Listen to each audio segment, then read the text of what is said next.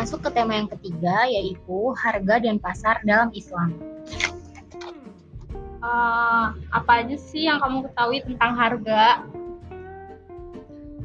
Harga merupakan sesuatu yang diserahkan dalam pertukaran untuk mendapatkan suatu barang maupun jasa.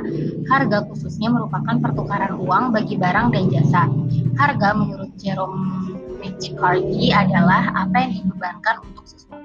Menurut Philip Kotler, harga adalah sejumlah nilai atau uang yang dibebankan atas suatu produk atau jasa untuk jumlah dari nilai yang ditukar konsumen atas manfaat-manfaat harga yang telah menjadi faktor penting yang mempengaruhi pilihan pembeli. Harga adalah salah satu elemen yang paling fleksibel dari bawah pemasaran. Tidak seperti sifat-sifat produk dan komitmen jalur distribusi, harga dapat berubah-ubah dengan cepat. Pada saat yang sama, penetapan harga dan persaingan harga adalah masalah utama yang dihadapi banyak eksekutif pemasaran.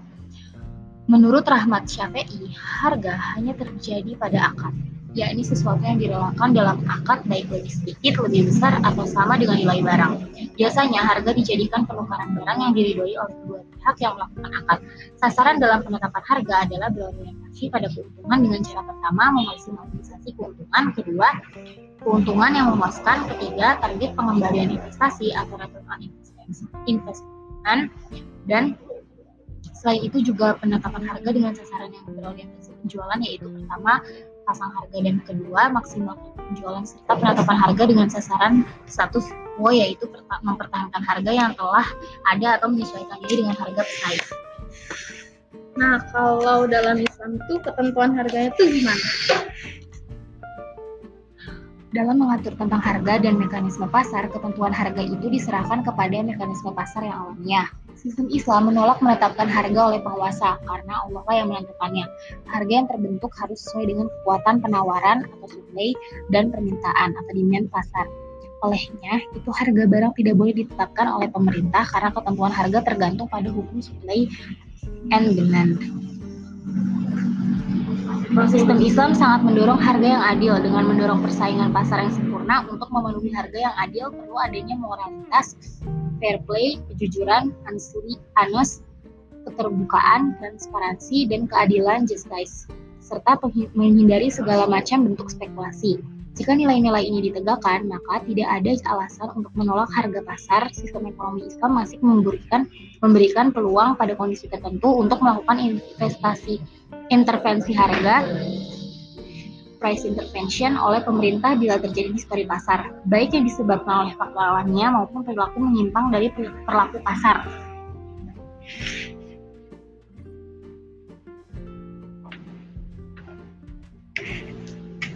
Kalau dalam Islam mekan mekanisme pasarnya itu di mana? Sistem Islam memberikan perhatian terhadap kesempurnaan mekanisme pasar. Mekanisme pasar adalah resultan dari kekuatan yang bersifat massal dan impersonal, yaitu merupakan fenomena alamiah. Pasar yang bersaing sempurna dapat menghasilkan harga yang adil bagi penjual atau pembeli. Karena jika mekanisme pasar terganggu, maka harga yang adil tidak akan tercapai. Harga yang adil akan mendorong para pelaku pasar untuk bersaing dengan sempurna. Islam sangat mendorong konsep harga yang adil, terbuka, dan sesuai mekanisme pasar yang sempurna. Konsep mekanisme pasar dalam Islam dapat dirujuk kepada hadis Rasulullah sebagaimana disampaikan oleh Anas oleh Anas RA sehubungan dengan adanya kenaikan harga-harga barang di kota Madinah. Sabda Rasulullah yang artinya dari Anas ibnu Malik A berkata, harga komoditas perdagangan beranjak naik pada zaman Rasulullah, lalu para sahabat mengadu kepada beliau terakhir berkata, Ya Rasulullah, harga barang-barang bisa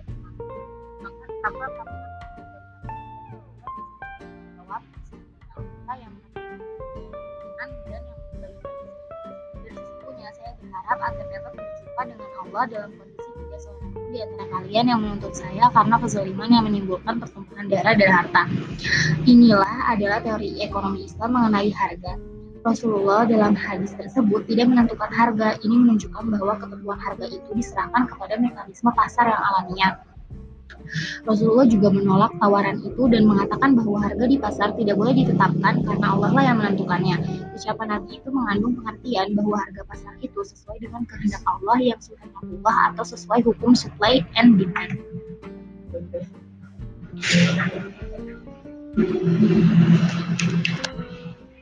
Kalau pada zaman Rasulullah, peran pasarnya itu gimana sih? Islam menempatkan pasar pada kedudukan yang penting dalam perekonomian. Praktik ekonomi pada masa Rasulullah dan Khulafaur Rasyidin menunjukkan adanya peranan pasar yang besar. Rasulullah sangat menghargai harga yang dibentuk oleh pasar sebagai harga yang adil. Beliau menolak adanya price seandainya perubahan harga terjadi karena mekanisme pasar yang wajar. Namun, pasar mengharuskan adanya moralitas, kejujuran, keterbukaan, dan keadilan. Jika nilai-nilai ini ditegakkan, maka tidak akan ada lagi alasan untuk menolak harga pasar. Para sahabat dan para imam mazhab juga memberikan pandangan dalam memahami hadis tersebut dan realitas kebijakan Rasulullah dalam menyikapi dinamika harga komoditas perdagangan sebagai berikut. Pertama, Khalifah Umar Ibnu Al-Khattab berpendapat bahwa dalam melindungi hak pembeli dan penjual Islam mewajibkan pemerintah untuk melakukan intervensi harga. Bila kenaikan harga disebabkan oleh distorsi penawaran dan permintaan, Umar Ibnu Al-Khattab pernah menegur seseorang pedagang bernama Habib bin Abi Baltaah karena menjual anggur kering di bawah harga pasar seraya berkata, naikkan harga daganganmu atau engkau tinggalkan pasar kami. Dua, Imam Abu Hanifah dan Imam Malik Ibnu Anas membolehkan standarisasi harga komoditas tertentu dengan syarat utama bahwa standarisasi atau penetapan harga tersebut bertujuan untuk melindungi kepentingan hajat hidup mayoritas masyarakat. Ketiga, Imam Syafi'i dan Ahmad Ibnu Hanbal berpendapat bahwa pemerintah tidak memiliki hak untuk menetapkan harga dengan alasan Rasulullah tidak pernah menetapkan harga meskipun penduduk menginginkannya. Penetapan harga adalah ketidakadilan atau zulm yang dilarang karena persoalan ini melibatkan hak milik seseorang. Sedangkan setiap orang berhak menjual komoditas perdagangannya, perdagangannya dengan harga berapapun berdasarkan kesepakatan antara penjual dan pembeli. Nah, yang terakhir ini, kalau dalam Islam itu terdapat faktor-faktor nggak sih yang mempengaruhi harga? Kalau dalam Islam itu faktor-faktornya ada ya. Yang pertama itu ketersediaan barang atau supply. Ketersediaan barang atau jasa dalam pasar akan memudahkan masyarakat untuk memenuhi kebutuhannya, sehingga harga secara relatif senantiasa akan berada dalam keseimbangan. Dan sebaliknya, kelangkaan akan mendorong spekulasi yang, bi yang bisa berakibat pada kenaikan harga. Menurut Ibnu Khaldun, ketika barang-barang yang tersedia sedikit, harga-harga akan naik. Namun, bila jarak antar kota dekat dan aman untuk melakukan perjalanan, akan banyak barang yang diimpor, sehingga ketersediaan akan dan harga-harga akan turun.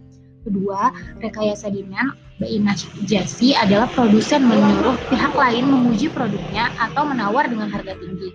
Sehingga calon pembeli yang lain tertarik untuk membeli barang dagangannya. Najasi dilarang karena dapat menaikkan harga barang-barang yang dibutuhkan oleh para pembeli. Rasulullah bersabda, Janganlah kamu sekalian melakukan penawaran terhadap barang tanpa bermaksud untuk membeli. Ketiga, rekayasa supply by istiqmar, yaitu mengambil keuntungan di atas keuntungan normal dengan cara menahan barang untuk tidak beredar di pasar supaya harganya naik. Dari Ma'mar bin Abdullah bin Fadlah, katanya aku mendengar Rasulullah bersabda, tidak melakukan ikhtiar kecuali orang yang bersalah atau berdosa. Keempat, tawaki al-kurban. Praktek ini dengan cara mencegat orang-orang yang membawa barang dari desa dan membeli barang tersebut sebelum tiba di pasar. Rasulullah melarang praktek semacam ini dengan tujuan untuk mencegah terjadinya kenaikan harga. Beliau memerintahkan agar barang-barang langsung dibawa ke pasar sehingga menyuplai barang dan para konsumen bisa mengambil manfaat dari harga yang sesuai dengan alami. Kelima, terjadi keadaan al-hasr atau pemboikotan. yaitu distribusi barang hanya terkonsentrasi pada saat pada satu penjual atau pihak tertentu. Perlu penetapan harga di sini untuk menghindari penjualan barang tersebut dengan harga yang ditetapkan sepihak dan semena-mena oleh pihak penjual tersebut. Keenam, terjadi koalisi dan kolusi antar penjual atau kartel, di mana sejumlah pedagang sepakat untuk melakukan transaksi di antara dengan harga di atas ataupun di bawah Ketujuh, taksir atau penetapan harga merupakan salah satu praktek tidak dibolehkan oleh syariat Islam. Karena Rasulullah pernah bersabda, fluktuasi harga atau turun naik itu adalah perbuatan Allah. Sesungguhnya saya ingin berjumpa dengannya dan saya tidak melakukan kezaliman pada seorang yang bisa dituntut dari saya. Kedelapan, larangan ba'i ba'ad al-bang yaitu praktek bisnis ini maksudnya adalah dengan melakukan lonjakan atau penurunan harga oleh seorang di mana kedua belah pihak yang terlibat tawar-menawar masih melakukan dealing atau baru aja menyelesaikan penetapan harga. Rasulullah melarang praktek semacam ini karena hanya akan menimbulkan kenaikan harga yang tadi diinginkan. Rasulullah bersabda, janganlah sebagian dari kamu menjual atau penjualan sebagian yang lain.